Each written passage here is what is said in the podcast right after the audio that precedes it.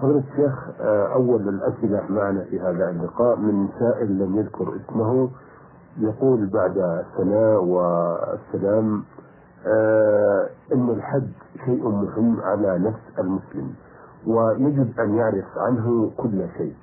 وقد حجيت أكثر من مرة ولكن الجاهل عدو نفسه كما يقولون. ولم أقضي أو آه ولم أقضي على العلم بالسؤال في حينه. فبعد قدومي في إحدى السنوات من مزدلفة رميت جمرة العقبة ثم الثانية ثم الثالثة. لأني لم. لأني لم أتأكد أي الجمار هي فهل علي شيء في ذلك. يقول وفي اليوم الثاني عملت كما عملت في اليوم في يوم العيد؟ ولم أبدأ من الجمرة التي تلي مكة المكرمة. وإنما بدأت من التي تلي منها. هل علي شيء في ذلك أيضا؟ الحمد لله. آه، أما رميك الجمرات الثلاث يوم العيد فإنه لم يصح منها إلا رمي جمرة العقبة نعم. لأنها هي التي ترمى يوم العيد. نعم. ويكون رمي الوسطى والدنيا رميا لاغيا. وأما رميك الجمرات الثلاث اليومين التاليين وبدأ وبدأتك من الجمرة التي تلي منها فهذا هو الصحيح. نعم. فإن الإنسان في يوم العيد لا يرمي إلا جمرة واحدة وهي جمرة العقبة. نعم. وفي الأيام بعده يرمي الجمرات الثلاث مبتدئا بالجمرة الأولى التي تلي منى ثم الوسطى ثم جمرة العقبة التي تلي مكة. نعم. نعم. هذه الرسالة من الأخ المرسل شكري بن علي بن آه، مغرم أو معزم البكري من الناس من بني بكر. آه يقول في رسالته هذه أبعث إليكم برسالتي هذه والتي تحمل سؤال يهمني وأرغب في تفسير. حل هذا السؤال وإرسال الرد أو إذاعته إذا تكرمتم؟ يقول يوجد لي زوجة ولها أخوين أكبر منها ولهم أولاد وبنات كثيرون. وأنجبت زوجتي أولاد وبنات ولقد قامت والدة زوجتي وإخوانها بإرضاع أبنائي وبناتي. مع أبناء وبنات إخوان زوجتي. والسؤال هو هل يجوز لأحد أبناء إخوان زوجتي الزواج من إحدى بناتي؟ وعلى من تعود المسؤولية في مثل هذا الموضوع أفيدونا أفادكم الله. الحمد لله. أما الذين رضعوا من جدتهم من أولادك وأولاد إخوة زوجتك فإنهم إخوان لا يجوز لبعضهم أن يتزوج ببعض. نعم. فإذا قدرنا أن بنتا من بناتك رضعت من جدتها وأن ابنا من أبناء إخوة زوجتك رضع من الجدة المذكورة فإنه لا يجوز له أن يتزوج ببنتك. ولأنهم لأنهم إخوة. نعم وأما من لم يرضع من جدته من أولادك أو أولاد إخوة زوجتك فإنه ليس بينهم محرمية. فيجوز أن يتزوج الرجل منهم بالأنثى فإذا كان لك بنت لم ترضع من جدتها ولأبناء ولإخوة زوجته ابن لم يرضع من جدته فإنه يجوز له أن يتزوج ببنتك. نعم. نعم هذا الجواب واضح. وأما قول السائل وعلى من تكون المسؤولية في هذا فليس في ذلك مسؤولية. لأن الرضاع ربما يضطر الناس إليه. لا سيما في الزمن السابق الذي ليس عند الناس ما يستعنون به عند جفاف لبن الأم. في- فيضطرون إلى أن يطلبوا مرضعة ترضع الطفل. وحينئذ لا يكون في ذلك مسؤولية. أحسنت. هذه الرسالة من يحيى أحمد العنسي من الظهران يقول آه، السلام عليكم ورحمة الله وبركاته. وبعد كنا في الأعوام الماضية نترك شعر رؤوسنا قبل الحج لكي نقصر منها بعد الانتهاء من العمرة ثم نحلقها عند التحلل من الحج. لكننا نقوم بتمشيط شعر الرأس أثناء الإحرام لأنه ليس طويلا جدا ويتساقط الشعر. أو تساقط الشعر قليل إذا لم يكن معدوما التساقط. ونحن آه، نكده بالمشط لأن الشعر إذا لم يمشط آه، يبدو قبيحا في نظر الناس. فهل علينا شيء في تمشيطه وما حكم الشعر الذي يسقط من غير قصد؟ أفيدونا وفقكم الله. تمشيط المحرم رأسه لا ينبغي لأن الذي ينبغي للمحرم أن يكون أشعث أغبر نعم ولا حرج عليه أن يغسله وأما تمشيطه فإنه عرضة لتساقط الشعر. ولكن إذا سقط شعر من الإنسان بدون قصد إما لحك رأسه أو لفركه أو ما أشبه ذلك فإنه لا حرج عليه في هذا. لا. لأنه غير متعمد في إزالته وليعلم أن جميع محظورات الإحرام إذا لم يتعمدها الإنسان ووقعت منه على سبيل الخطأ أو على سبيل النسيان فإنه لا حرج عليه فيها. لا. لأن الله سبحانه وتعالى قال في كتابه وليس عليكم جناح فيما أخطأتم به ولكن ما تعمدت قلوبكم. وقال سبحانه وتعالى ربنا لا تؤاخذنا إن نسينا أو أخطأنا. لا. وقد فعل الله سبحانه وتعالى ذلك. وفي خصوص الصيد وهو من محظورات الإحرام قال الله تعالى ومن قتله منكم متعمدا فجزاء مثل ما قتل من النعم. وهذا القيد متعمدا يفيد أن من قتله غير متعمد فليس عليه جزاء. وهذا القيد قيد احترازي لأنه قيد مناسب للحكم وذلك أن التعمد هو الذي يناسبه إيجاب الجزاء لا. وأما غير التعمد فلا يناسبه إيجاب الجزاء بما علم من هذا الدين الإسلامي أنه دين السماحة والسهولة واليسر وعلى هذا فنقول جميع محظورات الإحرام بدون استثناء إذا فعلها الإنسان جاهلا أو ناسيا فإنه لا يترتب عليه شيء من أحكامها لا من وجوب الفدية ولا من فساد النسك فيما يفسد النسك كالبناء. نعم هذا هو الذي تقتضيه الأدلة التي أشرنا إليها. نعم والله الموفق أحسنت. آه المرسل ساير ناطر الطيري آه من القصيم عنيزة يقول آه أرجو أن تفيدوني عن ذكر الله سبحانه وتعالى. هل يجوز ذكر الله داخل الحمام أم لا يجوز؟ لا ينبغي للإنسان أن يذكر ربه في داخل الحمام لأن المكان غير لائق. نعم. غير لائق لذلك. إن ذكره بقلبه فأحرج عليه بدون أن يلفظ به بلسانه وإلا فالأولى ألا ينطق به في لسان بلسانه في هذا الموضع وينتظر حتى يأخذ منه. نعم.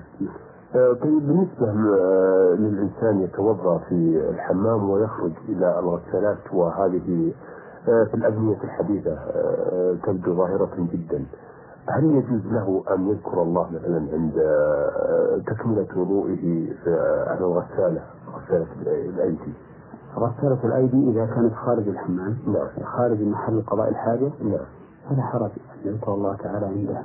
نعم أما إذا كانت في داخل محل قضاء الحاجة فإنه يذكر الله تعالى بلسانه فيها. في هذا الموضع لما أشرنا إليه أولا. ولكن يذكر الله بقلبه لا حرج عليه. فيه آه هذه الرسالة من الأخ عبد الله علي الحشاشي من بلدة ناحش. آه يقول أفيدكم أن فيه رجل متولي على حريم اثنان من الوالدين وهو متوليهم من يوم هم زوره. حتى الآن والمذكور زوج واحدة من الاثنان أخوه وواحدة يجبرها على ولده والهدف من ذلك هو أن الحريم هؤلاء معهم مرجد. كثير وجبرهم على جواز أخوه وعلى ولده مع العلم أنهم عايشون في بيت صغار من يومهم صغار وجبرهم على الجواز من أخوه وولده أفيدوني جزاكم الله خير. هل هو حق أم باطل؟ آه ولكم جزيل الشكر. ليس من حق أي ولي من الأولياء أن يجبر موليته على النكاح. حتى الأب نفسه لا يحق له أن يجبر ابنته على الزواج بمن لا تريد الزواج به. نعم ولهذا قال النبي عليه الصلاة والسلام لا تنكح الذكر حتى تستأذن. ولم يستفصل النبي صلى الله عليه ولم يفصل النبي صلى الله عليه وسلم بين الأب وغيره نعم. ولا بين الذكر وغيرها. بل في صحيح مسلم قال والذكر يستأمرها أبوها. فنص على الذكر ونص على الأب. نعم فدل ذلك على أنه لابد من استئذان الرجل لمن يريد أن يزوجها من مولياته سواء كان أبا أم أخا أم عما أم ابنا. لا بد من أن يستأذن في ذلك. وعلى هذا فهذا الرجل الذي كان وليا على هؤلاء الأيتام ويظهر منه أنه آه، أجنبي أيضا. نعم لا يجوز له أن هو عم البنات هو لا يجوز له أن يجبر واحدة منهن على أن تتزوج ابنه آه، لأن ذلك محرم عليه. نعم بل لا يزوج امرأة منهن إلا بعد رضاها واستئذانها استئذانا شرعيا يتبين لها به أوصاف الزوج وحياته. نعم. ولا يكفي أيضا أن يقول أريد أن أزوجك فلانا لا وهي لا تدري عن هذا الرجل عن هذا الرجل الذي يريد أن يزوجها منه حتى يبين قبيلته ويبين حاله ويبين أخلاقه ويبين كل ما تحتاج المرأة إلى بيانه. نعم نعم. أحسنت. آه هذه الرسالة من موسى محمد عقيل من الرياض. آه يقول بعد السلام والتحية يقول نشاهد آه كثيرا. نشاهد في في سنوات عديدة كثيرا من اللحوم تذهب هدرا في منى. فهل يجوز لي في يوم العيد أن أرمي جمرة العقبة وأطوف البيت وأحلق رأسي وأتحلل وألبس ثيابي؟ وفي اليوم الثالث أو الثاني أذبح فديتي لكي آكل منها وأجد من يأكلها أيضا أو أنه لا بد من ذبحها قبل التحلل لا بأس أن يذبح الإنسان هديه بعد التحلل. وبهذه المناسبة نعم. أحب أن أبين أن الأنساك التي تفعل يوم العيد هي كالتالي نعم. أولا رمي جمرة العقبة نعم. ثم ذبح الهدي ثم النحر ثم الطواف بالبيت والسعي. هذا هو المشروع في ترتيب هذه الأنساك الأربعة ولكن لو قدم بعضها على بعض أنتم قلتم الرمي ثم الذبح ثم النحر. نعم. لا تقصدون الحلق نعم. نعم. أول الرمي. نعم. ثم ذبح الهدي؟ نعم ثم الحلق أو التقصير نعم ثم الطواف بالبيت نعم هذه الأنساك الأربعة تفعل مرتبة هكذا كما فعلها النبي صلى الله عليه وسلم فإنه رمى جمرة العقبة ثم نحر هديه ثم حلق رأسه ثم طاف. ولكن لو قدم بعضها على بعض ولا سيما عند الحاجة فلا بأس بذلك. لأن النبي صلى الله عليه وسلم كان يسأل يوم عيد في التقديم والتأخير. فما سئل عن شيء قدم ولا أخر إلا قال افعل ولا حرج. نعم. قضية هذا الرجل هذا السائل تنطبق على هذه على هذا الحكم. آه، بمعنى أن أنه يجوز أن يؤخر النحر إلى اليوم الثاني من أيام العيد ويتحلل قبله. نعم. لأن التحلل لا يرتبط بذبح الهدي. ومن التحلل يكون برمي جمرة العقبة والحلق والطواف. ففي الرمي والحلق أو التقصير يتحلل التحلل الأول. وإذا طاف وسعى حل التحلل الثاني. نعم. أما النحر أو ذبح الهدي فإنه لا علاقة له بالتحلل. نعم. إذا آه، مثلا لو آه، رمى جمرة العقبة وحلق يتحلل. يتحلل التحلل الأول. التحلل الأول. وإذا طاف وسعى حل التحلل الثاني. نعم. السلام عليكم ورحمة الله وبركاته. وعليكم السلام ورحمة الله. وبعد أخبر سماحتكم بأني أو بأن وقعت نفسي في إحدى الشدائد أو بما يسمونها محنة تؤدي لقتل النفس. وهذه المحنة ارتكبتها في عام 76 و900 وألف.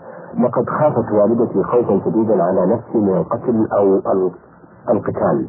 ويومها ليس لدى والدتي أي سلطة أو وسيلة تحل مشكلتي. فمن شدة خوفها علي آه، جعلت في ذمتها صيام شهر ما عد ما عدا شهر رمضان. من كل سنة تصوم شهر من عام 76 تتابع صيامها لحد الآن. وأنا الحمد لله رب العالمين لقد نجيت من هذه الشدة بسلام. ووالدتي لقد تجاوز عمرها الأربعين سنة فالآن أصبحت تصوم شهرين منهن شهر رمضان المبارك.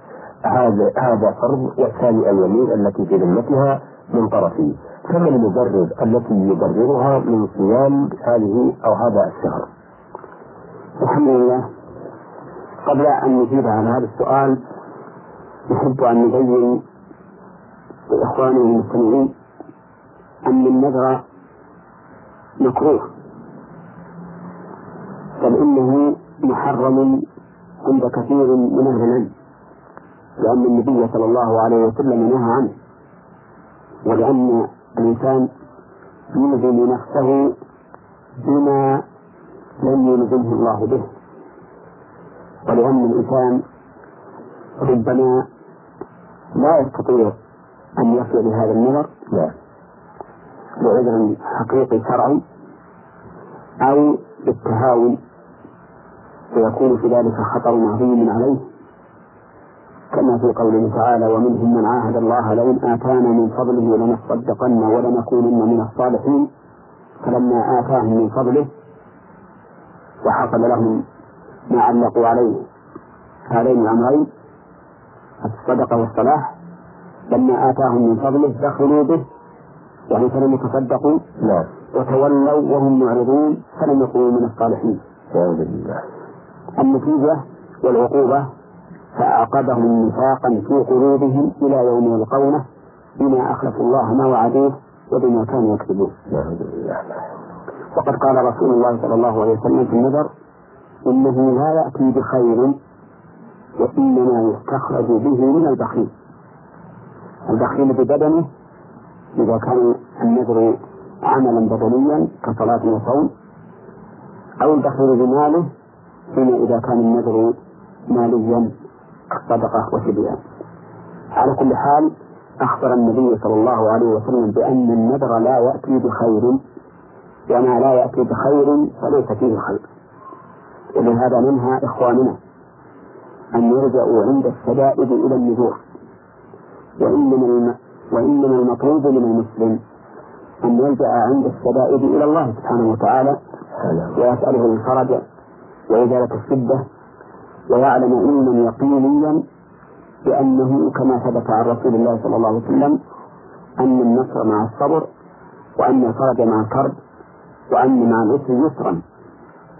والإنسان إذا نظر عند الشدة وأزيلت الشدة عنه فليس معنى ذلك أن سبب إزالتها هو النذر فالشدة لم تزل بالنذر لأننا لا نعلم أن النذر سبب لإزالة الشدة وإنما ابتلى الله سبحانه وتعالى المرء فأزال هذه الشدة عند النذر لا بالنذر وهذا كما يحصل حتى في فتنة عباد القبور الذين يعبدون القبر ويدعون صاحب القبر ربما يحصل مطلوبهم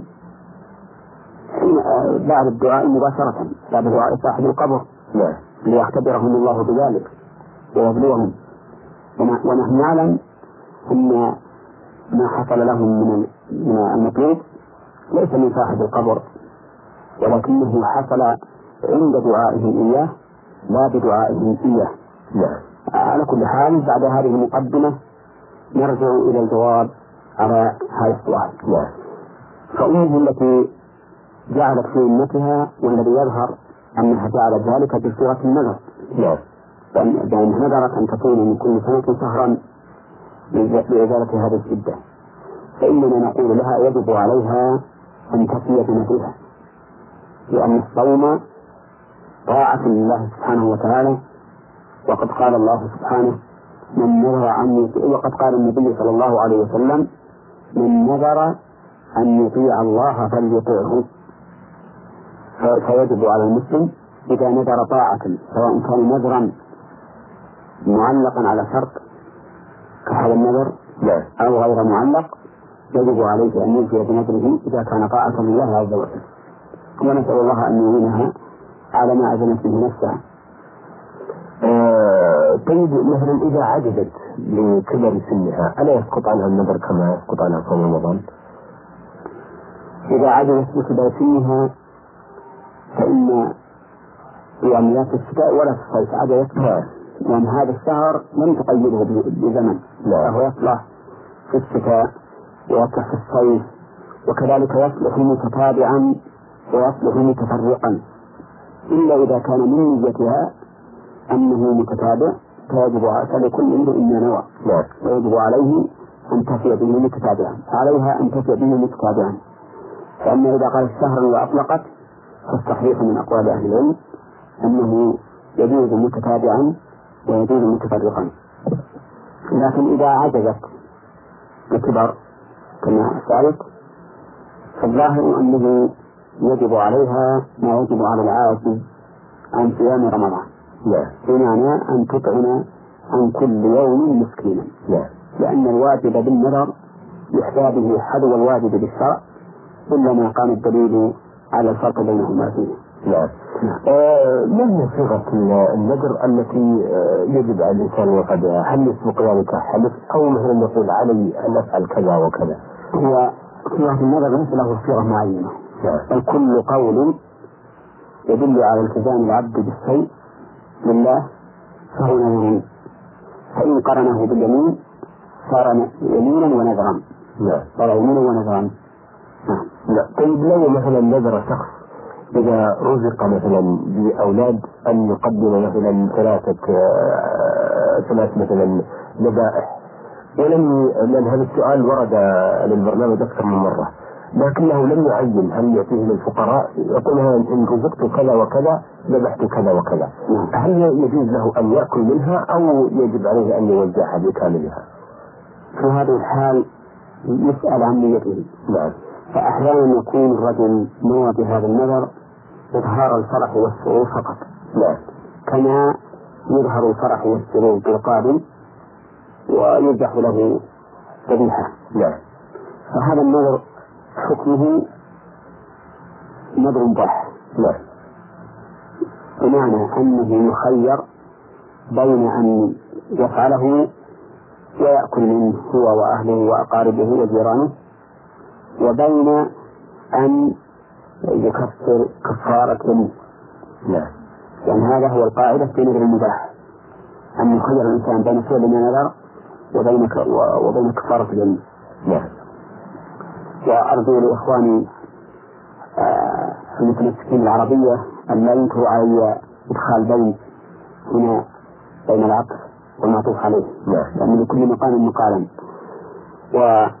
وأما إذا كان هذا الذي نذر إن رزقه الله ولدا أن يذبح شاة مثلا نعم إذا كان نيته أن يذبحها شكرا لله عز وجل على هذه النعمة فإنه يحظى بها حلوى الصدقة فتطعم للفقراء والمساكين نعم.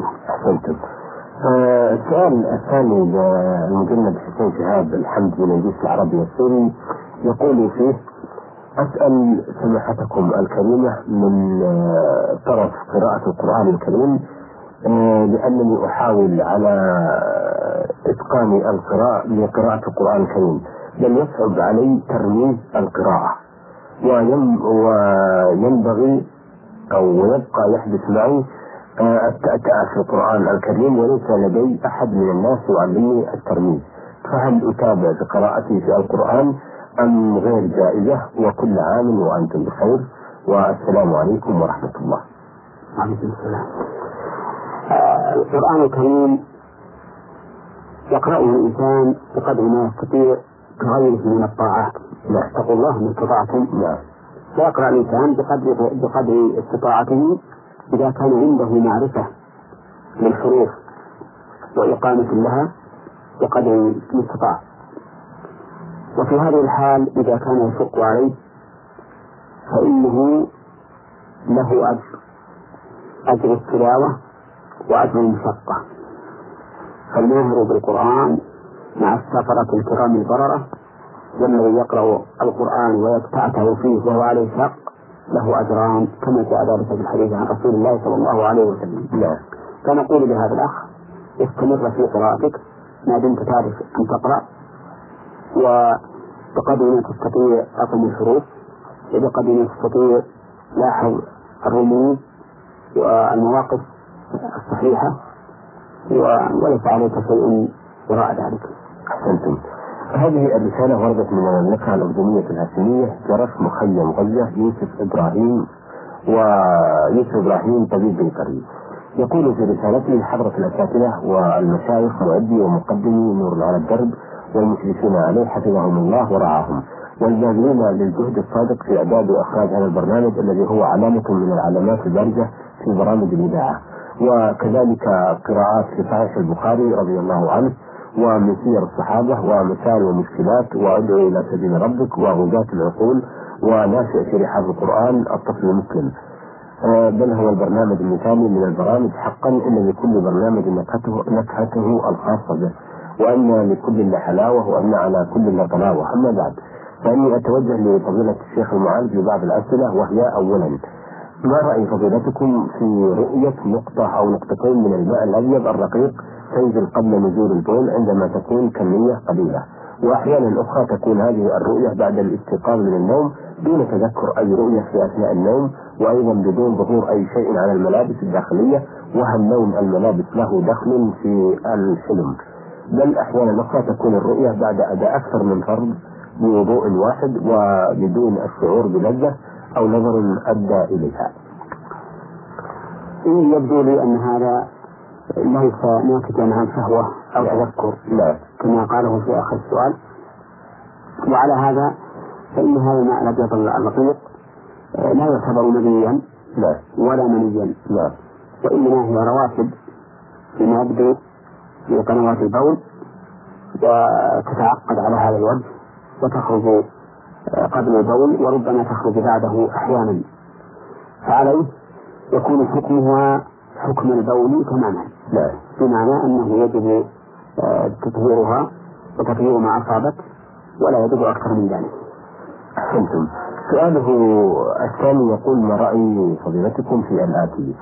قالت زوجتي وهي غضبانة حرام على علي ربنا إذا أنت نزعت شيئا من زينة إحدى قطع ملابسها فتركت ذلك العمل. وأحيانا تحلف بهذه الصيغة وحياة الله. أحيانا يقول بعض الناس لآخر حد الله بينك وبينه ليمنعه من فعل شيء. ويعتقد أنه إذا فعل ذلك الشيء يعتقد أنه ارتكب ذنبا عظيما نتيجة عدم انتهائه بسماع جملة حد الله بينك وبينه. أما صيغة القسم بقول الإنسان وحياة الله فهذه لا بأس بها. لا. لأن القسم يكون بالله سبحانه وتعالى بأي اسم من أسمائه ويكون كذلك بصفاته كالحياة والعلم والعزة والقدرة وما أشبه ذلك فيجوز أن يقول الحالف وحياة الله وعلم الله وقدرة الله وعزة الله وما أشبه هذا مما يكون من صفات الله سبحانه وتعالى كما يجوز القسم بالقرآن الكريم بأنه كلام الله. لا. وبالمصحف أيضا لأنه مشتمل على كلام الله سبحانه وتعالى. نعم وأما قولها حرام علي ربنا. فإذا كانت تقصد أن الله حرام عليها فهذا لا معنى له ولا يجوز مثل هذا الكلام. لأن معنى هذا التحريم هل معناها عبادة الله حرام عليها؟ أو ما أدري اسمها هذا الكلام نعم. أما إذا كانت تريد حرام علي هذا الشيء أو حرام علي ألا تفعل أنت هذا الشيء وتقصد بربنا أي يا ربنا فهذا لب... هذه صورة التحريم نعم. صورة لتحريم الشيء.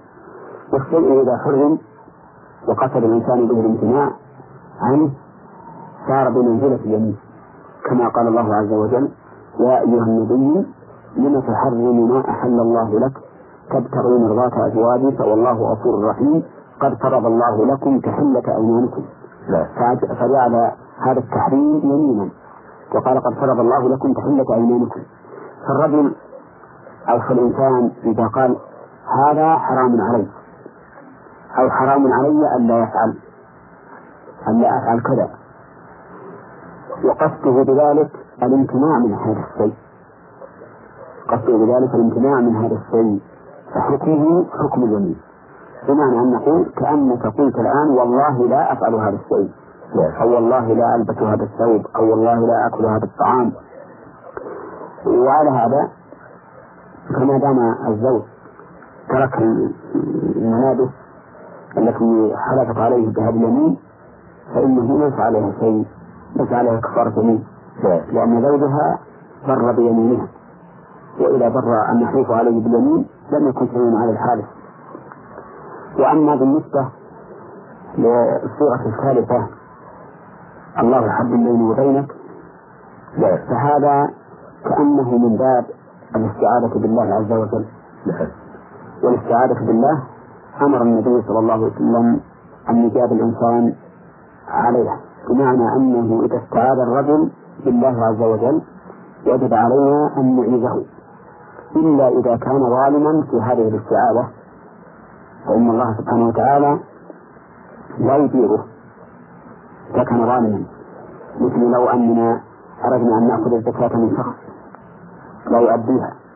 فقال أعوذ بالله منكم فإننا لا نعيده لأن إعادته إقراره لأن, لأن, لأن إعادته معناها إقراره على معصية الله عز وجل. والله سبحانه وتعالى لا يرضى ذلك. فإذا كان الله لا يرضاه فنحن أيضا لا نوافقه عليه. فالمهم أن من استعاذ بالله تعالى فإننا مأمورون بإعادته وتجنبه ما لم يستعذ بالله من أمر واجب عليه.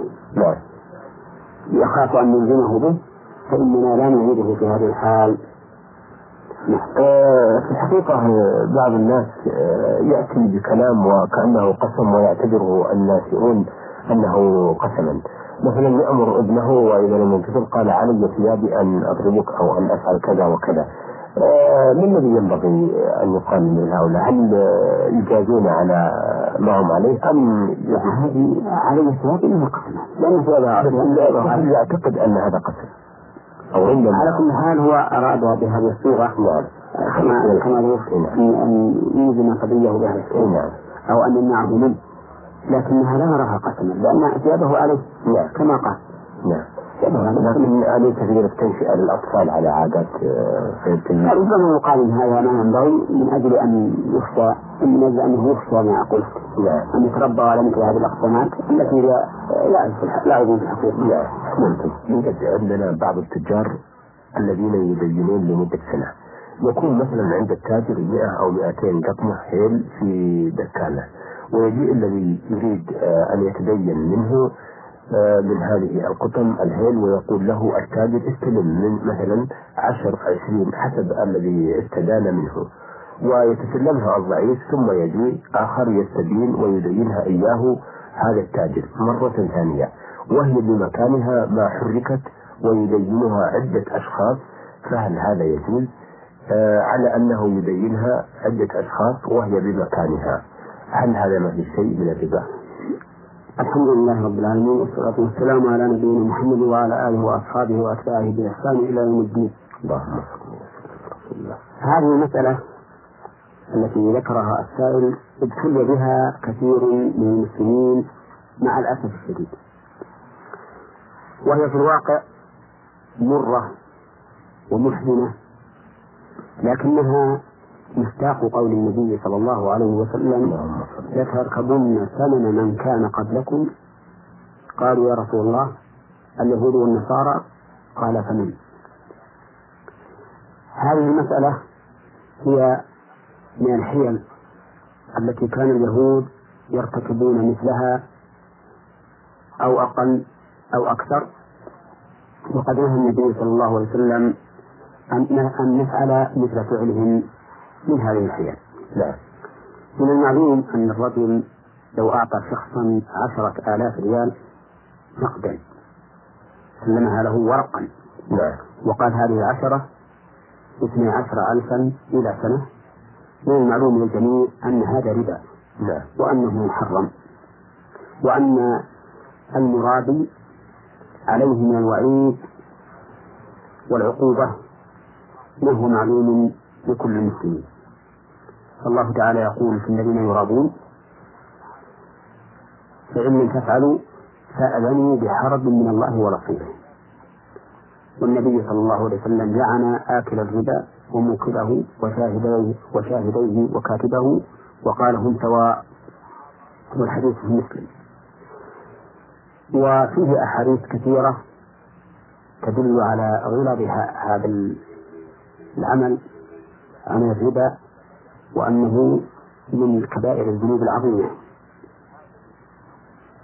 فإذا كان معلوما أن ما صورناه من قبل من الربا وهو صريح فإن التحيل على هذا بأي نوع من أنواع الحيل يعتبر وقوعا فيه. إذ الحيلة على المحرم لا تقلبه مباحا نعم. بل تزيده قبحا إلى قبحه. لأن الحيلة نعم. لأن الحيلة على المحرم يجتمع فيها أمران محذوران. أحدهما الوقوع في المحرم والثاني المخادعة لله ورسوله. نعم. ونحن نضرب مثلا بما هو أكبر من ذلك الكفر. فالكافر الصريح الذي يعلن بكفر في كفره هو واقع في الكفر وقد فعل هذا الذنب العظيم. لكن المنافق الذي يظهر الإسلام ويظهر بمظهر الرجل الصالح وهو يبطن الكفر هذا أشد ذنبا وأعظم. ولهذا جعل الله المنافقين في الدرك الأسفل من النار نعم. تحت الكفار الذين يصرحون بالكفر. فالمتحيل على الربا أشد من المعطي بالربا صراحة أو أشد من الآخذ بالربا صراحة. لأنه جمع بين المحذورين محذور الربا ومحذور التحيل والخداع لمن يعلم خائنة الأعين وما تخفي الصدور. وقد ثبت عن النبي صلى الله عليه وسلم أنه قال إنما الأعمال بالنيات وإنما لكل امرئ ما نوى. وهذا الحديث يشد على المتحيرين جميع أنواع الحيل وقال لهم أنتم قصدتم هذا فلكم ما قصدتم. نعم. وإنما لكل امرئ ما نوى. والعملية التي أشار إليها الأخ السائل هي موجودة بكثرة مع الأسف ومنتشرة وهي من ظهور الربا الذي يؤلن بالهلاك والخطر على هذه الأمة. ومن ال- العجب أنه لو وجد حانات زنا أو خمر لكان كل الناس ينكرونها. لكن توجد هذه الحانات الربوية ولكن الناس ساكتون لا أحد ينكر ولا أحد يشمئز منها وذلك لأنها كثرت وكما قيل إذا كثر الإنفاق قل الإحساس نعم. هذه الأكياس من من الهيل كما قال الأخ. تبقى في دكان التاجر مدة سنين يمكن أو شهورا أو أسابيع أو ما شاء الله من هذا. نعم. يأتي إليه التاجر ويشتريها منه حسب ما اتفق مع الفقير على الربح. نعم. لأنه يتفق أولا مع الفقير على أن يتبينك العشر إحدى عشر أو خمسة عشر أو أكثر أو أقل. ثم يذهب هذا التاجر وهذا المستدين إلى صاحب الدكان ويشتري التاجر منه السلعة بثمن يتفقان عليه. ثم مع ذلك في الحال في نفس المجلس يبيعها على المستدين حسب ما اتفق عليه من الربح أو من المرابحة ثم بعد ذلك يبيعها المستدين على صاحب الدكان بأنزل مما باعها صاحب الدكان به على التاجر. نعم ثم يأخذ دراهم ويأخذ بها في جيبه. هذه هي القضية الألعوبة والمكر والخديعة. وقد ذكر شيخ الإسلام رحمه الله هذه المسألة وسماها آه، الربا آه، سماها الصفقة الربوية الثلاثية. هذا معنى ما سماها به لأنه غاب عني لفظه الآن. نعم نعم ومع ذلك قال هذه حرام بلا ريب وربا. وكان رحمه الله يحكي في مسألة التورق قولين لأهل العلم ثم يختار هو التحريم. فدل ذلك على أن هذه المسألة ليست هي مسألة التورق التي يتنحس بعض الناس بها ويقول إن المشهور من مذهب الحنابلة جواز مسألة التورق. نحن نقول هكذا إن المشهور من مذهب الحنابلة جواز مسألة التورق. لكن ليست مسألة التورق بهذا بهذه الحيلة الظاهرة البينة. مسألة التورق كما قال الفقهاء رحمهم الله إذا احتاج الإنسان إلى نقد. واشترى ما يساوي مئة بمئة وعشرين إلى أجل. نعم وطبعا اشتراه على الوجه السليم الصحيح وليس فيه العشر 11 ولا العشر 15 ولا شيء. أنا احتجت مثلا إلى دراهم فأتيت إلى صاحب الدكان قلت بيع عليه هذا الشيء. إلى سماح هو الآن يسوى 100 قلت له ب 120 وأخذته يا هذه هي هي مسألة التورق. أما هذه المسألة فليست من التورق في شيء ولا تنطبق على التورق إطلاقا. ذلك لأنهما أولا يتفقون على المرابحة. فيكون التاجر باع على المستدين ما لا يملك بربح وهذا وإن لم يكن معينا لكنه في ذمته ثانيا. أنها يحصل فيها بيع الشيء قبل حوزته. وقبضه نعم ثالثا يحصل فيها بيع الشيء قبل نقله عن محله. وقد نهى النبي صلى الله عليه وسلم أن تباع السلع حيث تبتاع حتى يحوزها التجار إلى رحالهم. وكون بعض الناس يقول أنا قبضتها لأنني عددتها فمجرد العدد ليس قبضا بلا شك. ولا أحد يقول إنه قبض. لكن لأن القبض معناها أن يكون الشيء في قبضتك. وفي حوزتك. وأي شيء يكون هذا العدد أن تقبضه أي شيء يكون من القبض. ولكن العلماء يقولون ما يحتاج إلى عدد فلا بد من عدده لقبضه نعم. بمعنى أنه لا يتم قبضه إلا بعدده. وهذا أمر صحيح. نعم. وأما مثلا نقول مجرد إنسان يمسحه بيده أو يعده بإشارته يكون هذا قبضا فهذا لا لا غير مسلم إطلاقا. ثم إن هذه الصفقة في الحقيقة غير مرادة لأن التاجر لا يقلب هذا العيب ولا يسأل عن نوعه ولا يسأل عن عيبه وسلامته وربما يكون هذا قد فسد من طول الزمن وربما تكون الأرض قد أكلته وهم لا يعلمون.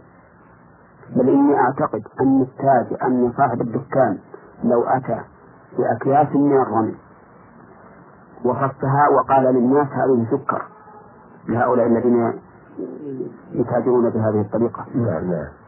لا, لا, لا أخذوها على أنها سكر. بمعنى لا عادتهم أنهم لا يقلدون ولا ينظرون ولا يفعلون شيئا. نعم. ولقد حكى لي بعض الناس وهو ثقة أنه جاء ليستدين من شخص فذهبوا إلى صاحب دكان وعنده بضاعة لكن هذه البضاعة لا تساوي القدر الذي يريده المشتري. فقال نبي ندبر لها شأنا.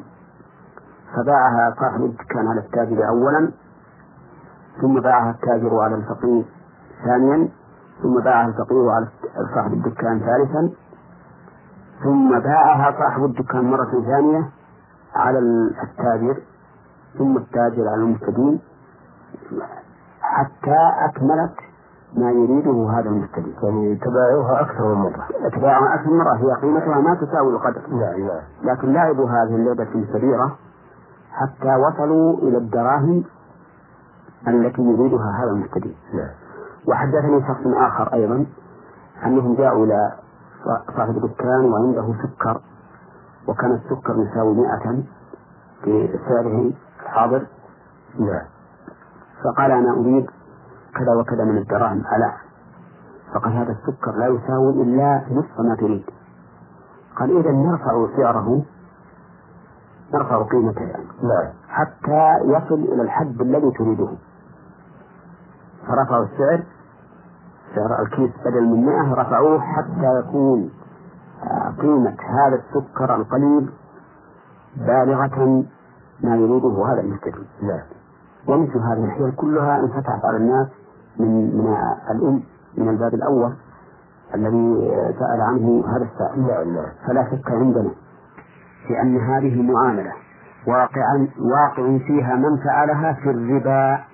بل هو زائد على الذين يرابون صراحة لأنه يخادع الله ورسوله والذين آمنوا وما يخدع إلا نفسه وما يشعر وسوف يندم عندما يحضره أجله نعم ولقد ذكر ابن القيم في كتابه الجواب الكافي لمن سأل عن الدواء الشافي أن رجلا حضره الموت فجعلوا يلقنونه لا إله إلا الله. فجعل يقول العشر أحد عشر العشر أحد عشر. لأنها ملكت قلبه فصار والعياذ بالله ابتلي بها عند موته. حتى نسي بها شهادة الحق. فنحن ننصح إخواننا المسلمين عن هذه المعاملات المحرمة التي فيها الخداع لله ورسوله والمؤمنين. ونقول لهم إن ما صنعتم في هذه بهذه الطريقة أشد مما يصنعه الذين يرابون صراحة في البنوك وغيرها. فإنهم أهون منكم لذلك لأنهم يفعلون الربا وهم يعتقدون أنه ربا ويجدون في نفوسهم خجلا من الله عز وجل وانكسارا ويؤمنون أن يجدد توبة المهم أنهم يعرفون أنهم على خطأ وأنهم مستحقون للعقوبة فتجدهم يتوبون إلى الله وي- ويرجعون إليه. لكن مثل هؤلاء المتحللين يرون أنهم على طريقة سليمة حلال. في- فيبقون على ما هم عليه ولا يكادون يرجعون أبدا عن هذا الغي وهذا الضلال. نسأل الله لنا ولهم السلامة. آمين. ثم إنه حسب ما نعلم أن ما يؤخذ من الربح في البنوك أقل مما يأخذه هؤلاء من هؤلاء الفقراء. والفقراء لا يدرون يظنون أن هذه الطريقة صحيحة وسليمة فيقولون كوننا نعمل عملا آه، لا لا إثم فيه ولو زاد علينا الربح أهون من كوننا نعمل عملا محرما. ولكني أقول لهم إن هذه الطريقة أشد إثما من طريقة البنوك. نعم. لأنها كما أسلفنا ربا وخداع ولكن يبقى النظر أنه من سياسة التعليم الصحيح الذي مشى عليه الرسول عليه الصلاة والسلام أنه إذا سد الباب من طريق محرم يجب أن يفتح للناس باب من طريق مباح نعم. حتى لا يقفوا حيارى نقول في هذه الحال الطريق إلى السبيل إلى ذلك أن الرجل إذا احتاج سلعة معينة لنفسه مثل أن يحتاج إلى سيارة. أو إلى مواد بناء أو غيرها فليذهب إلى أهل المعارض الذين يبيعون هذه الأدوات وهذه الأعيان ويشتري منهم العين التي يريدها بنفسها بثمن أكثر نعم. مؤجلة. نعم. وبهذا يسلم يسلم من الإثم. فمثلا إذا كان يحتاج إلى اسمنت مثلا. ذهب إلى أهل الاسمنت واشترى منهم ما يساوي عشرة آلاف باثني عشر ألفا. وعمر به. وكذلك المواد ال- ال- المواد الأخرى من حديد ومواد صحية وما أشبه ذلك. نعم وبهذا يسلم. قد يقول أنا لا أنا لا أريد مواد أو أحيانا أنا أريد دراهم. لأجل للتزوج أو ما أشبه ذلك. يقول لا حاجة بك إلى هذه المعاملة المحرمة. فإما أن تشتري الأغراض التي للزواج بمثل ما أشرنا إليه في مواد البناء. وإما أن تصبر حتى يغنيك الله لأن الله يقول وليستعفف الذين لا يجدون نكاحا حتى يغنيهم الله من فضله. ولا ينبغي الإنسان أن يستجيب ويتزوج فهذا الرجل الذي آه، طلب من النبي صلى الله عليه وسلم أن يزوجه المرأة التي وهبت نفسها للنبي ولم يكن له بها حاجة قال التمس ولو خاتم من حديد فلم يجد. فزوجه بما معه من القرآن ولم يرشده إلى أن يستدين أو يستقبض من أحد. بل إنما زوجه بما معه من القرآن. فالمهم أن مثل هذا أقصد أن الحاجة للزواج لا ينبغي الإنسان أن يستبيح لنفسه هذه الطريقة المحرمة من أجله. نعم. نعم أحسنتم. إذا آه، نقول المستمع عبد الرحمن عبد العزيز عبد الله السيف من آه، القصيم في بريدة أن أسئلته الثلاثة قد مرت في الإجابة التي أجاب بها الرئيس الشيخ محمد الصالح يمين وهي الذي يبيع آه، مثلا قطر الهيل وهي في مكانها. لعدة أشخاص وكذلك الصنف الثاني الذي يذهب نفس المستدين والمدين لدكان آخر ويشترون السلعة في مكانه أيضا ويسلم صاحب الدكان النقود للمستدين أو الذي يعطي الفلوس آه، نقدا ويقول العشر 12 أو 14 إلى غير ذلك. أيها السادة آه، رسالتنا أو الرسالة التي وردت آه، الثانية في هذا اللقاء هي من عبد الله بن عبد الرحمن العبد العزيز من منطقة القصيم أيضا. يقول آه، الشيخ المجيب على أسئلة وراء الدرب أنا أحب مشاهدة المصارعة الحرة لأنها ترفع عني وتذهب الملل عن نفسي وكنا سابقا. نقضي بعض الوقت في الرحلات والسباق والصيد وقد تعقدت الأمور آه، أو أمور آه، وقد تعقدت الآن أمور المعيشة. فأصبحنا لا نملك الوقت الكافي للعمل واللهو المباح. ونظرا إلى أن ونظرا إلى أني لا أملك جهاز التلفاز فإني أذهب في وقت المصارعة إلى أحد المنتزهات أو المقاهي لمشاهدتها. وذات مرة جاء أحد المصارعين بحركات مثيرة لجمهور المشاهدين فأخذوا يتصايحون تشجيعا له وإذا بأحد الأخوة يقول يا حبيب النبي استر عليه يا رب يا رب خليه. وسؤالي هو هل يجوز إطلاق كلمة يا حبيب النبي لشخص غير مسلم؟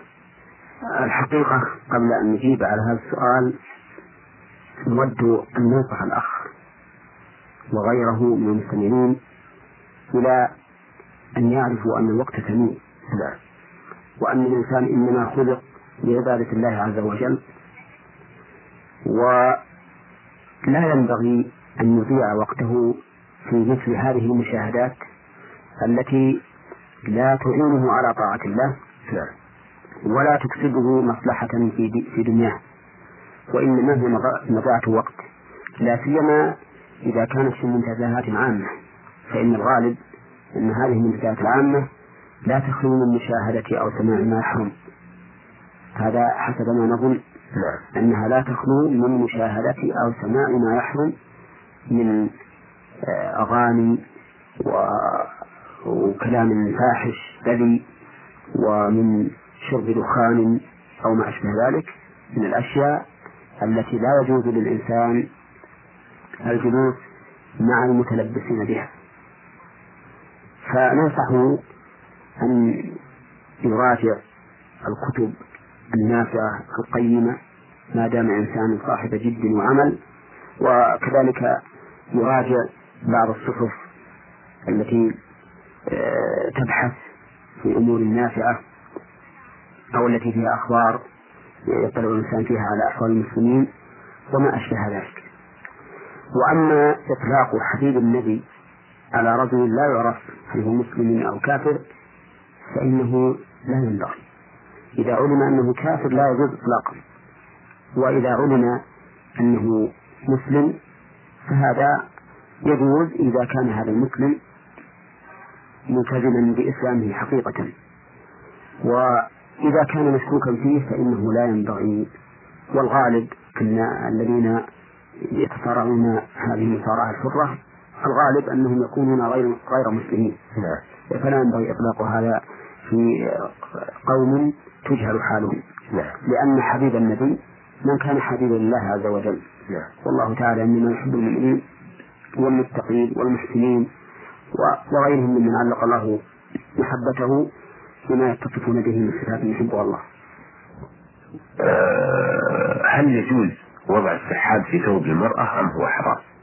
الحمد لله السحاب وضعه في في ثوب المرأة لا بأس به سواء كان ذلك من الخلف أم من الأمام وذلك لأن الأصل في الملابس الإباحة نوعا وكيفية إلا ما ورد الشرع بتحريمه لا. آه سؤالها الثاني تقول هل يجوز للمرأة المشطة المائلة أم هي حرام؟ المشطة المائلة لا أتصورها لكن إذا كان المقصود فرق فرق الرأس من جانب واحد لا. فإن ذلك خلاف خلاف السنة والسنة أن يكون فرق الرأس من الوسط ليكون الشعر من الجانبين على السواء من جانب اليمين ومن جانب الشمال. فهذا هو الذي ينبغي للمرأة أن تفعله أما فرقها من جانب واحد فهذا لا ينبغي لا سيما إن كان يقتضي التشبه بغير المسلمات فإنه يكون حراما. نعم. أه تقول أيضا هل يجوز تطويل ثوب المرأة من تحت القدم بحوالي خمسة سنتي أفيدنا. نعم يجوز للمرأة أن آه، تنزل ثوبها إلى أسفل من الكعب بل إن هذا هو المشروع في حقها نعم. من أجل أن تستر بذلك قدميها. فإن ستر قدمي المرأة أمر مشروع بل واجب عند أكثر أهل العلم. فالذي ينبغي للمرأة أن تستر قدميها إما بثوب ضاف عليها وإما بلباس. شراب أو كنادر أو شيء. نعم. أه تقول أيضا هل للمرأة أن تصلي صلاة التراويح؟ وهل تقضيها إذا أفطرت في رمضان؟ والسلام عليكم. آه نعم يشرع للمرأة أن تصلي صلاة التراويح. إما في بيتها وإما في المسجد. وإذا أتاها الحيض فإنها لا تقضيها. وذلك لأن الصلاة لا تقضى. لا, لا فرضها ولا نفلها. فلا يشرع لها أن تقضيها إذا طهرت. أه تقول ملحوظة وتطلب قلب الصفحة وفعلا لقينا وجدنا فيها سؤال. تقول هل يجوز قلع الشعر الذي في الحاجب إذا كان متصلا من على الأنف ومشوه الوجه؟ ولا سيما إذا كان طويلا وضار. وأنا والله العظيم أني لا أقلد الكفار واليهود والتجمل ولكن شوه وجهي وليس كل شعر الحاجب ولكن الذي متصل على الأنف هو المشوه والضار لي والسلام عليكم. أما إزالة هذا الشعر على سبيل النفس فهذا حرام لا يجوز. لا. لأن هذا نمص وقد لعن النبي صلى الله عليه وسلم النامصة والمتنمصة. وأما إزالته بغير النفس كالقص والحلق فهذا لا بأس به. لا. وإن كان بعض العلماء يرى أنه حرام وأنه من النمط والذي ينبغي لها أن تتركه أي أن لا تتعرض له بشيء إلا إذا غرها بحيث ينزل من هذا الشعر شيء على عينيها يؤذي العين أو يحول بينها وبين تمام النظر فلا بأس أن تقص عنها ما يؤذيها. نعم. نعم. آه هذه الرسالة وردتنا من السائل من الجمالية سعود بن غالب بن راجح. يقول أنا مدان لبنك التنمية العقاري وأدفع زكاة مالي فهل أترك من مالي مقدار مال البنك بدون زكاة أم لا؟ هذه المسألة اختلف فيها أهل العلم.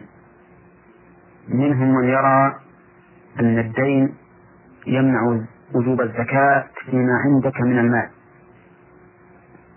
وعلى هذا فإذا كان عليك دين لبنك العقار أو غيره فإنه لا يجب عليك الزكاة لا تجب عليك الزكاة فيما يقابله. نعم فإذا كان عندك مئة ألف مثلا وعليك خمسون ألفا فلا تزكي إلا خمسين ألفا فقط. والخمسون الأخرى في مقابل الدين لا زكاة فيها. نعم وذهب بعض العلماء إلى أن الدين لا يسقط الزكاة وأن الإنسان يجب عليه زكاة ما بيده ولو كان عليه دين يقابله أو أكثر منه. وذهب آخرون إلى أنه إن كان المال ظاهرا كالثمار والحبوب والمواشي وجبت فيه الزكاة ولو كان على الإنسان دين يقابله أو أكثر. وإن كان المال غير ظاهر كالنقدين يعني القروش الفلوس وعروض التجارة فإنه لا تجب عليه الزكاة فيما يقابل الدين. ولكل حجة يتمسك بها.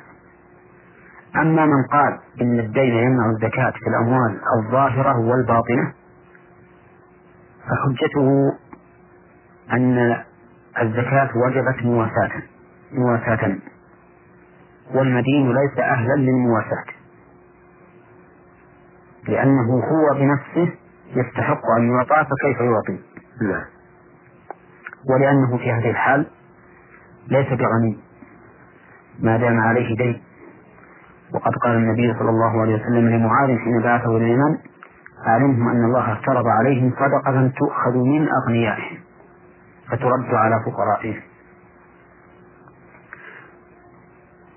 وأما من قال بوجوب الزكاة عليه بكل حال فقال إن النصوص عامة في كل خمس أواق. ليس فيما دون خمس زوج صدقة ولا ما ولا فيما دون خمسة أوسق صدقة ولا فيما دون خمس أواق صدقة. وفي الرقة في حديث أبي بكر الذي كتبه قال في الرقة في كل مئتي درهم ربع العشر. نعم. قالوا فهذه الإطلاقات تدل على وجوب الزكاة. سواء كان على الإنسان دين أم لا. ولأن الزكاة إنما تجب في المال لا في الذمة. بدليل قوله تعالى خذ من أموالهم صدقة تطهرهم وقول النبي صلى الله عليه وسلم في حديث معاذ علمهم أن الله فرض عليهم صدقة في أموالهم. والإنسان ذو مال ولو كان عليه دين. نعم. وعلى هذا فتجب عليه الزكاة ولو كان عليه دين فيؤدي زكاة ما بيده وإذا احتاج لقضاء الدين شيئا أخذه من الزكاة من غيره. وأما الذين فرقوا بين المال الظاهر وغيره فقالوا إن النبي صلى الله عليه وسلم كان يبعث السعاة لقبض الزكاة من الأموال الظاهرة ولم يكن هؤلاء السعاة يسألون من عليهم الزكاة هل عليكم دين أم لا؟ نعم. فدل على وجوب الزكاة فيها مطلقا. ولأن الأموال الظاهرة تتعلق فيها بها أطماع الناس لظهورها وبيانها. والديون أمر خفي يخفى على الناس. فلا يمكن إسقاط الزكاة التي هي ظاهرة بأمر باطن خفي. والذي نرى بعد هذا كله أن الزكاة تجب على المدين ولا تسقط عنه لأن الأدلة عامة. والزكاة في المال ليست في الذمة حتى نقول إن الذمة مشغولة بالدين السابق فلا تشغل بالزكاة. بل نقول إن الزكاة في المال فما دام هذا المال عنده وجبت عليه الزكاة. نعم لا سيما في مثل دين العقار آه، البنك العقاري. نعم لأن دين البنك العقاري مؤجل والذي يحل منه كل سنة. ضئيل ولا يمكن أن نقول لهذا الرجل الذي عليه 300 ألف للبنك العقاري لا تؤدي زكاة 300 ألف من مالك بحجة أن عليك دينا ستقضيه بعد 12 سنة أو أكثر بل يجب عليك أن تؤدي زكاة مالك. وإذا حل الطلب الذي عليك للبنك وليس لديك مال توفي به فلك أن تأخذ من الزكاة لأنك من الغارمين. نعم نعم. آه، إلا, نعم إلا في مسألة واحدة. لو كان الدين حالا لو كان الدين حالا مع حلول الزكاة. نعم. وأنت الآن ستسلمه إلى صاحبه. فحينئذ نقول ليس عليك زكاة في هذا المال لأنك قد أردته للوفاء ولأن ولأن عثمان رضي الله عنه كان يخطب ويقول أيها الناس إن هذا شهر زكاة أموالكم فمن كان عليه دين فليقضه. أو قال فليعده. فدل ذلك على أن الدين الحال مقدم إذا كان الإنسان يريد أن يوفيه مقدم على الزكاة. نعم. إيه نعم.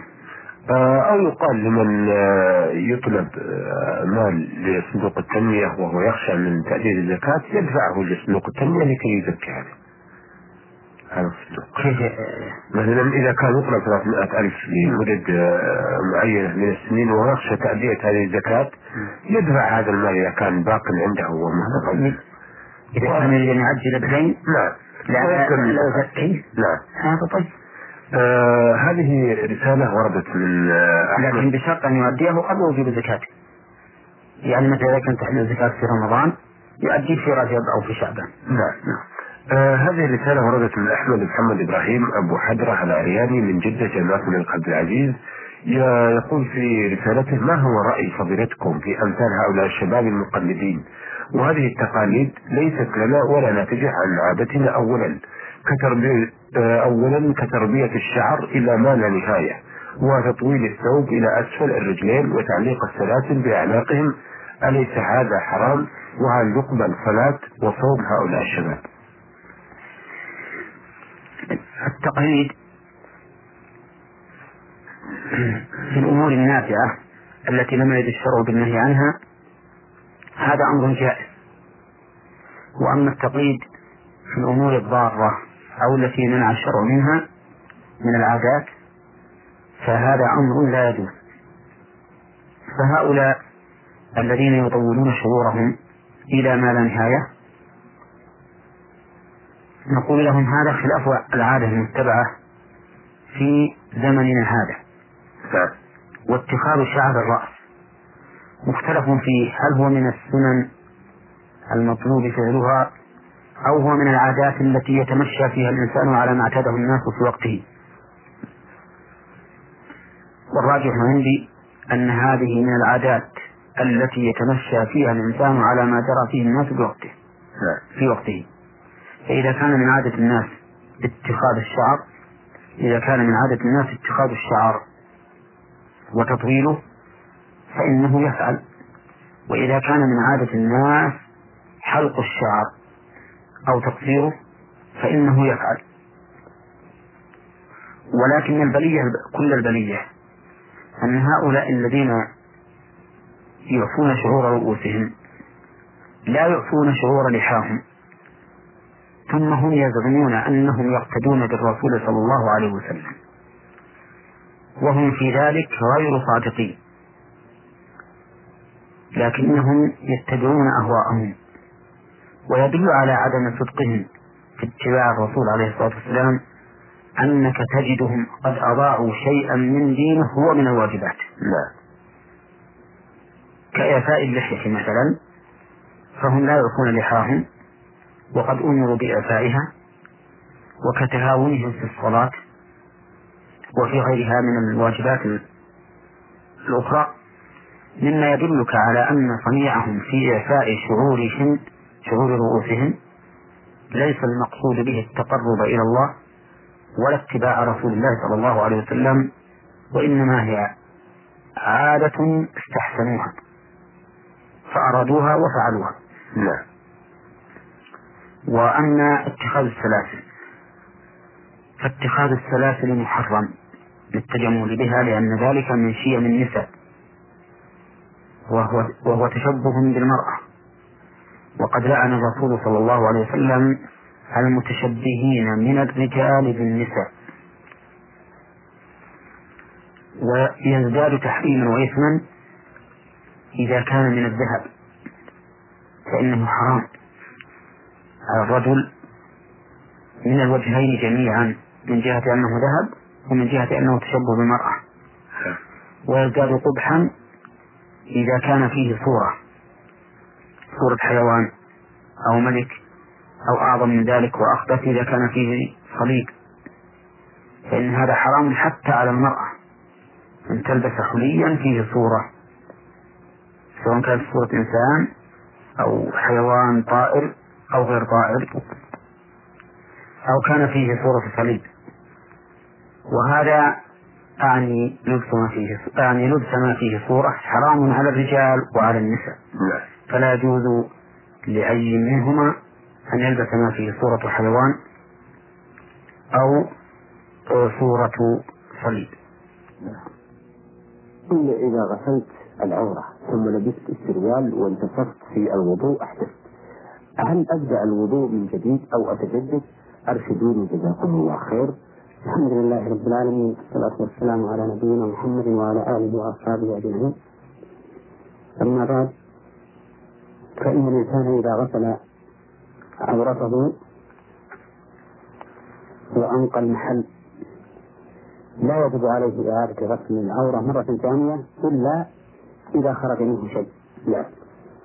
وعلى هذا السائل إذا كان أحدث في أثناء وضوئه. في أثناء تدبره كما يقول العامة فإنه لا يعيد غسل فرجه إذا لم يخرج منه شيء. لا يعني خارج من محسوس لا لا الريح. الريح لا يجب غسل الفرج منها إذا لم يخرج معها بلل. فعليه إذا أحدث بريح في أثناء وضوئه فإنه لا يعيد غسل فرجه. والمراد بريح لا لا رطوبة معها لا. فإنه لا يعيد غسل فرجه وإنما يعيد الوضوء من جديد. يعني بمعنى أنه يعود فيغسل كفيه ويتمرمط ويستنشق ويغسل وجهه إلى آخره. الوضوء نعم. آه يقول أيضا ما حكم طلب النكاح باليد؟ لا يجوز هذا. أن الإنسان يحاول إخراج منيه بيده. لأن ذلك من العدوان. قال الله سبحانه وتعالى والذين هم لفروجهم حافظون إلا على أزواجهم أو ما ملكت أيمانهم فإنهم غير ملومين. فمن ابتغى وراء ذلك فأولئك هم العادون.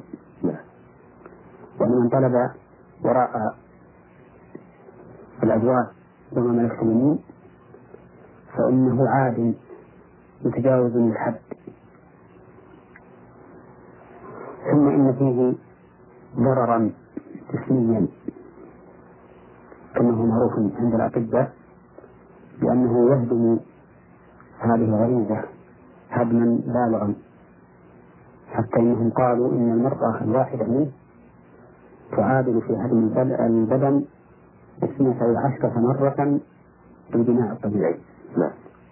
وعلى هذا فالواجب على المؤمن أن يصبر ويحتسب ويكبح شهوته بما أمر به رسول الله صلى الله عليه وسلم حيث قال يا معشر الشباب من استطاع منكم الباءة فليتزوج فإنه أغض للبصر وأحسن للخلق ومن لم يستطع فعليه بالصوم فإنه له وجاء. فإذا كان الإنسان قوي الشهوة ويخشى على نفسه من الزنا لم يخففها بإخراجها هذه المادة فإنه يصوم كما أمر به النبي صلى الله عليه وسلم. إذا لم يستطع النكاح لا. وإذا كان لا يستطيع أن يصوم فإنه يصبر ويحتسب. إذا كلما سارت عليه الشهوة يحاول أن يتشاغل بأمر آخر ينهيه عنها. حتى ييسر الله له فإن الله سبحانه وعد المستعففين بالغنى. نعم. فليستعفف الذين لا يجدون نكاحا حتى يغنيهم الله من فضله. نعم نعم. آه يقول إذا ما هي مدة المس للمقيم؟ قد تهمس الخفين في مدة نعم مدته يوم وليلة أربعا وعشرون ساعة. نعم. تبتدئ هذه المدة من أول مرة مسح فيحسب من أول مرة مسح إلى دورها من اليوم الثاني. فإذا مسح في تمام الساعة الثانية عشرة من اليوم فإنه له أن يمسح إلى تمام الساعة الثانية عشرة من اليوم الذي يليه. نعم وإذا مسح قبل انتهاء المدة وبقي على طهره وانتهت مدته وهو على طهره فإنه لا ينتقد وضوءه. يبقى على وضوئه حتى ينتقد بناقض معلوم. لا. نعم. لأن المدة التي قبل المسح لا يعتد بها كأن مثلا يتوضأ الفجر آه، ويستمر على طهارته الظهر والعصر والمغرب ثم يتوضأ للعشاء الآخرة. تبدأ المدة من العشاء الآخرة لمدة 24 نعم. نعم لا وأقول لك أيضا لو فرض أنه صلى العشاء الآخرة بوضوء الفجر. نعم. ولم يمسح إلا من اليوم الثاني من الفجر. من الفجر في اليوم الثاني. نعم. فإن المدة تبتدي من الفجر الثاني. نعم. من الفجر من الفجر من اليوم الثاني. نعم. ولنفرض أنه قبل زمن بداية المسح من اليوم الثالث لنفرض أنه مسح قبل انتهاء المدة. نعم. وبقي على طهارته إلى العشاء من الليلة الثالثة أو الرابعة. فإن ذلك صحيح أيضا. ولهذا يخطئ بعض العوام اللي يقولون إن الذي يلبس النصين يصلي فيه خمس خمس أوقات. لا ربما يصلي أكثر من خمس أوقات. نعم. آه، أيضا يقول هل يجوز الكذب آه، الممازح؟ يعني الكذب مازحا. الكذب لا يجوز مازحا ولا جادا لأنه من الأخلاق الذميمة التي لا تصف بها إلا أهل النفاق.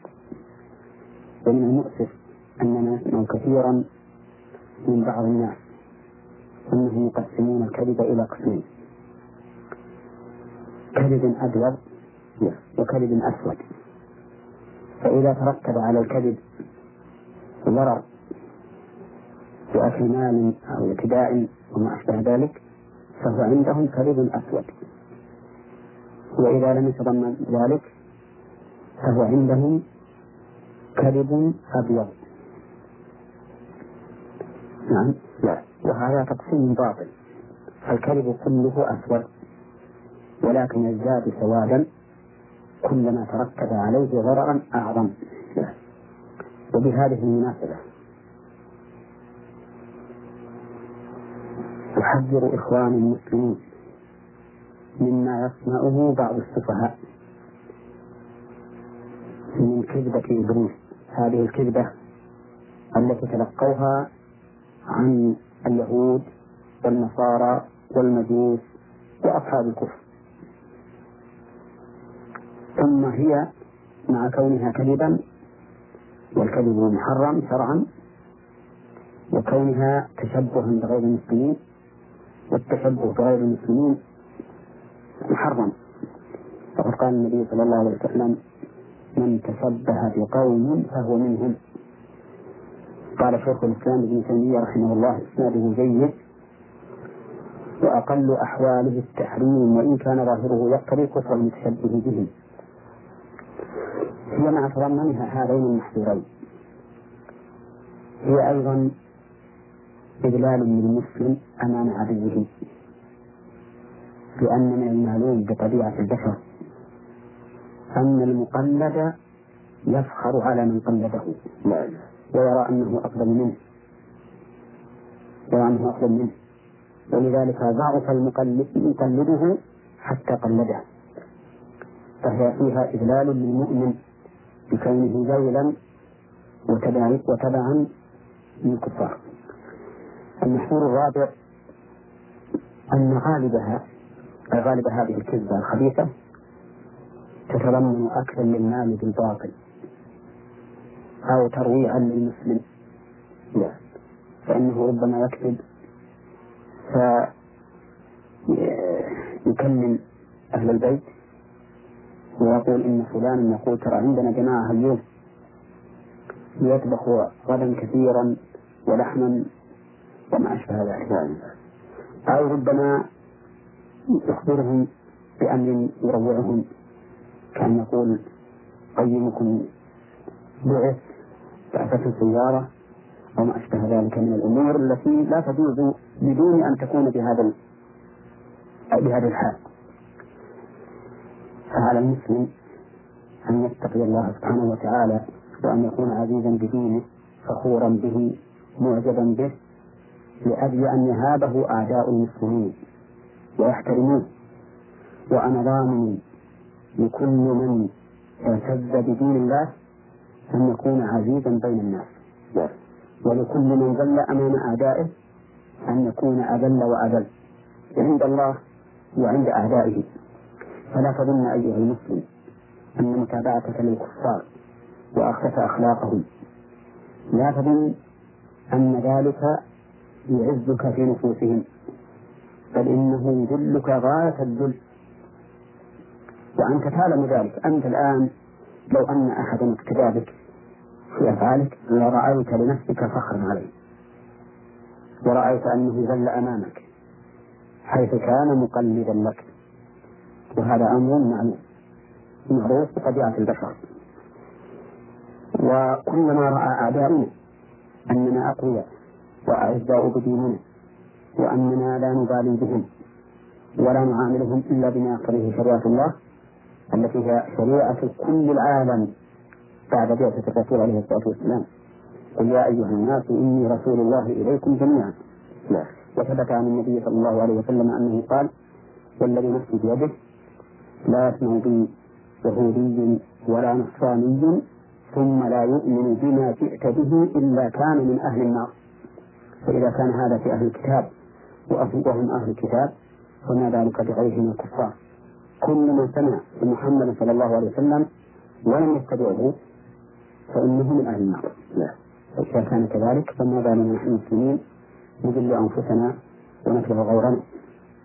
وكلنا يعلم ما جرى في محاورة هرقل عظيم الروم مع أبي سفيان وهو كافر. حينما تحرز أبو سفيان أن يكذب في حق النبي صلى الله عليه وسلم خوفا من أن تؤخذ عليه هذه الكذبة مع أو هذه الكذبة مع أنه يود أن يكذب في رد صالح الرسول صلى الله عليه وسلم. فإذا كان هذا كافرا. فما بالك أيها المؤمن؟ فكر والله موفق. أنتم وفقكم الله. لي زوجتان في بلاد عسير. ويمنعهما آباؤهما من السفر معه. ويبقى عنهن عدة شهور هل يأثم في ذلك أم لا؟ إذا كان قد اشترط عليه في العقد أن لا يسافر بهما فلآبائهما الحق في منعه. من السفر بهما ما لم تختارا السفر معه. فإن اختارت السفر معه حرم على آبائهما منعهما لأن الحق لهما. نعم. أو للزوجتين وإذا كان لم يشترط عليه ذلك فإن الزوج مالك لزوجته. فإذا سافر وطلب أن تسافر معه زوجته وجب عليهما أن تسافر معه. وحرم عليهما وعلى أبيهما الامتناع. فإن امتنعتا أو منعهما أباؤهما فإنه ليس عليه حرج فيما إذا سافر وتأخر عنهما لأن النفوذ منهما في الحقيقة. آه رسالة وردت في برنامج يقول فيها رجل ترك زوجته أكثر من في البادية وبدون عذر شرعي. ولذلك هو يجمع في فلوس فقط. وحب الدنيا والتفاخر والآن تاركها في البادية مع أهلها ولكن دون آه، رجل. إلى بعد مدة أكثر من سبعة شهور. ولكن يجمع فلوس فقط. فهل مثل هذا العمل يجوز أم لا؟ نرجو الإفادة سريعا وفقكم الله. الحقيقة أن هذا عمل سفر. من هذا الرجل. لأن من أهم ما يجمع له الإنسان الدنيا التمتع بنيل شهوته. وقد بدأ وقد بدأ الله سبحانه وتعالى النساء مقدما على القناطير المقنطرة. فقال زين للناس الشهوات من النساء والبنين والقناطير المقنطرة من الذهب والفضة والخيل المسومة والأنعام والحرث. فما أدري هذا الرجل كيف يصبر هذه المدة من أهله من أجل جمع الدنيا التي ليست نافعة له إذا لم يبذلها في نيل متعته. وقد قال النبي صلى الله عليه وسلم الدنيا متاع وخير متاعها المرأة الصالحة. ثم هي إن إن رضيت بعمله فلا إثم عليه لأن الحق لها. نعم. إلا أن يكون في إهماله إياها خوف عليها. أن تفتتن أو يفتتن بها فيجب عليه مراعاة أهله. وإن كانت تطالبه ولم ترضى بغيبته هذه الطويلة فيجب عليه أن يؤدي حقها ولا يأجرها بهذا السفر نعم. نعم. أحسنتم. أه لقد فاتتني فاتني يوم من شهر رمضان وأنا مسافر ثم جاء شهر رمضان الثاني ولم أقضي. هذا اليوم الذي فاتني هل يجوز لي أن أقضيه فيما بعد؟ أه علما بأن السنة دارت وأنا لم أقضيه. وهل يجوز لي القضاء أم لا؟ الحمد لله رب العالمين والصلاة والسلام على نبينا محمد وعلى آله وأصحابه أجمعين. أما بعد من المعلوم أن الله سبحانه وتعالى يقول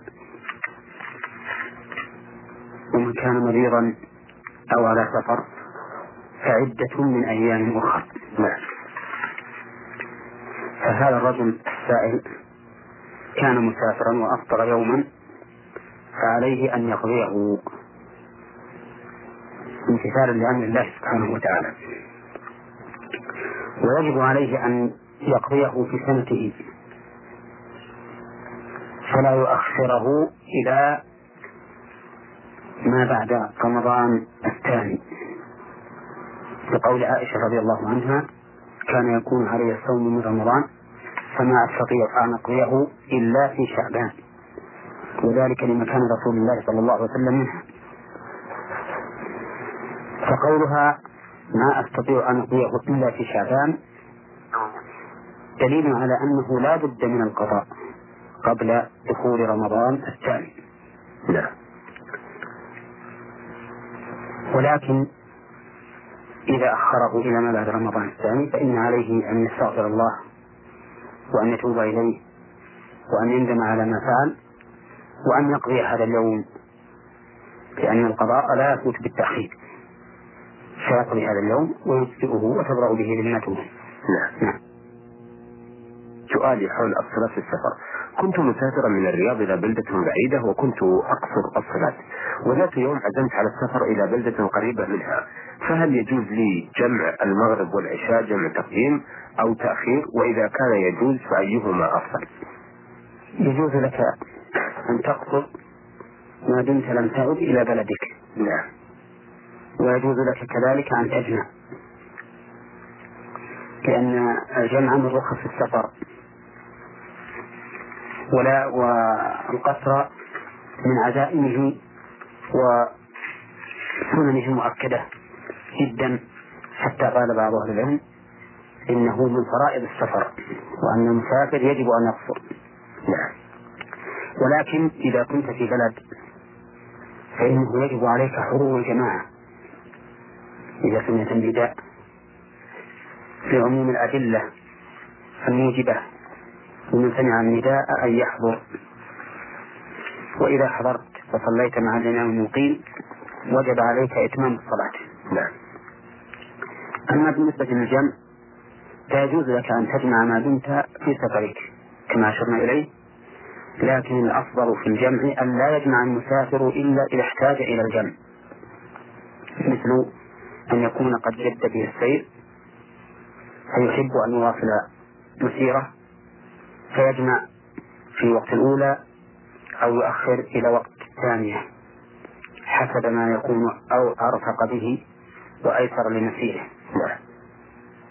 وعلى هذا فإذا أردت أن تنتقل من البلدة التي سافرت منها إليها من الرياض إلى بلدة أخرى قريبة منها وأردت أن تواصل سفرك ما بين البلدتين فلا حرج عليك أن تجمع جمع تقديم في البلدة قبل أن تسير إلى البلدة الثانية. نعم. ويجوز لك أن تؤخر فتجمع جمع تأخير حتى تصل إلى البلدة الثانية. إن وصلت إليها قبل خروج وقت الصلاة الثانية. وإلا جمعته في, أثناء سيرك. نعم. المهم أن المسافر يجوز له جمع وتركه أفضل إلا أن يكون أرفق به. فإنه حينئذ يكون مشروعا ومستحبا. والأفضل أن تجمع جمع تقديم أو تأخير حسب ما يتيسر لك. الأفضل في حقك هو الأيسر في مسيرك نعم نعم نعم طيب فضل الشيخ بالنسبة للعطلة آه أو عطلة نهاية الأسبوع معلوم أنها تبدأ من آه بعد الظهر من يوم الأربعاء. ويستغلها كثير من الناس في الخروج للبر وخصوصا في أيام الربيع وهم يقصرون الصلاة لأنهم مسافرون في هذه الحالة. لكن بعضهم يقيم في مكان من البر ويجمع أيضا بالإضافة إلى القصر. هل يجوز له الجمع؟ آه الجمع كما أسلفنا نعم. من رخص السفر. ولكن تركه أفضل إلا عند الحاجة إليه. فإذا احتاج الإنسان إليه لكون سفره آه، جادا أو لكون سيره جادا فإن فإنه أفضل من عدمه. نعم. فالمقيم مثلا نقول له الأفضل أن لا تجمع. لأن النبي صلى الله عليه وسلم لم يجمع وهو مقيم في منى. وكذلك لم يرد عنه جمع. حين أقام بمكة عام الفتح وإنما كان يقصر عليه الصلاة والسلام. ولكن مع ذلك يجوز لك أن تجمع ولو أنك مقيم. نعم. غير جاد بك السيف. لأن حديث أبي جحيفة في الصحيحين حينما أتى النبي صلى الله عليه وسلم في الأبطح فخرج النبي صلى الله عليه وسلم من قبة له وركبت له العنزة. فصلى الظهر ركعتين والعصر ركعتين. نعم. فإن ظاهر هذا الحديث أن النبي صلى الله عليه وسلم جمع بين الظهر والعصر مع أنه مقيم. نعم. يعني غير جاد به السير وكذلك أيضا جمع في تبوك وهو مقيم غير جاد به السير فدل هذا على أن الجمع من رخص السفر سواء جد به السير أم لا. ولكن الأفضل تركه إلا إذا كان أرفق به.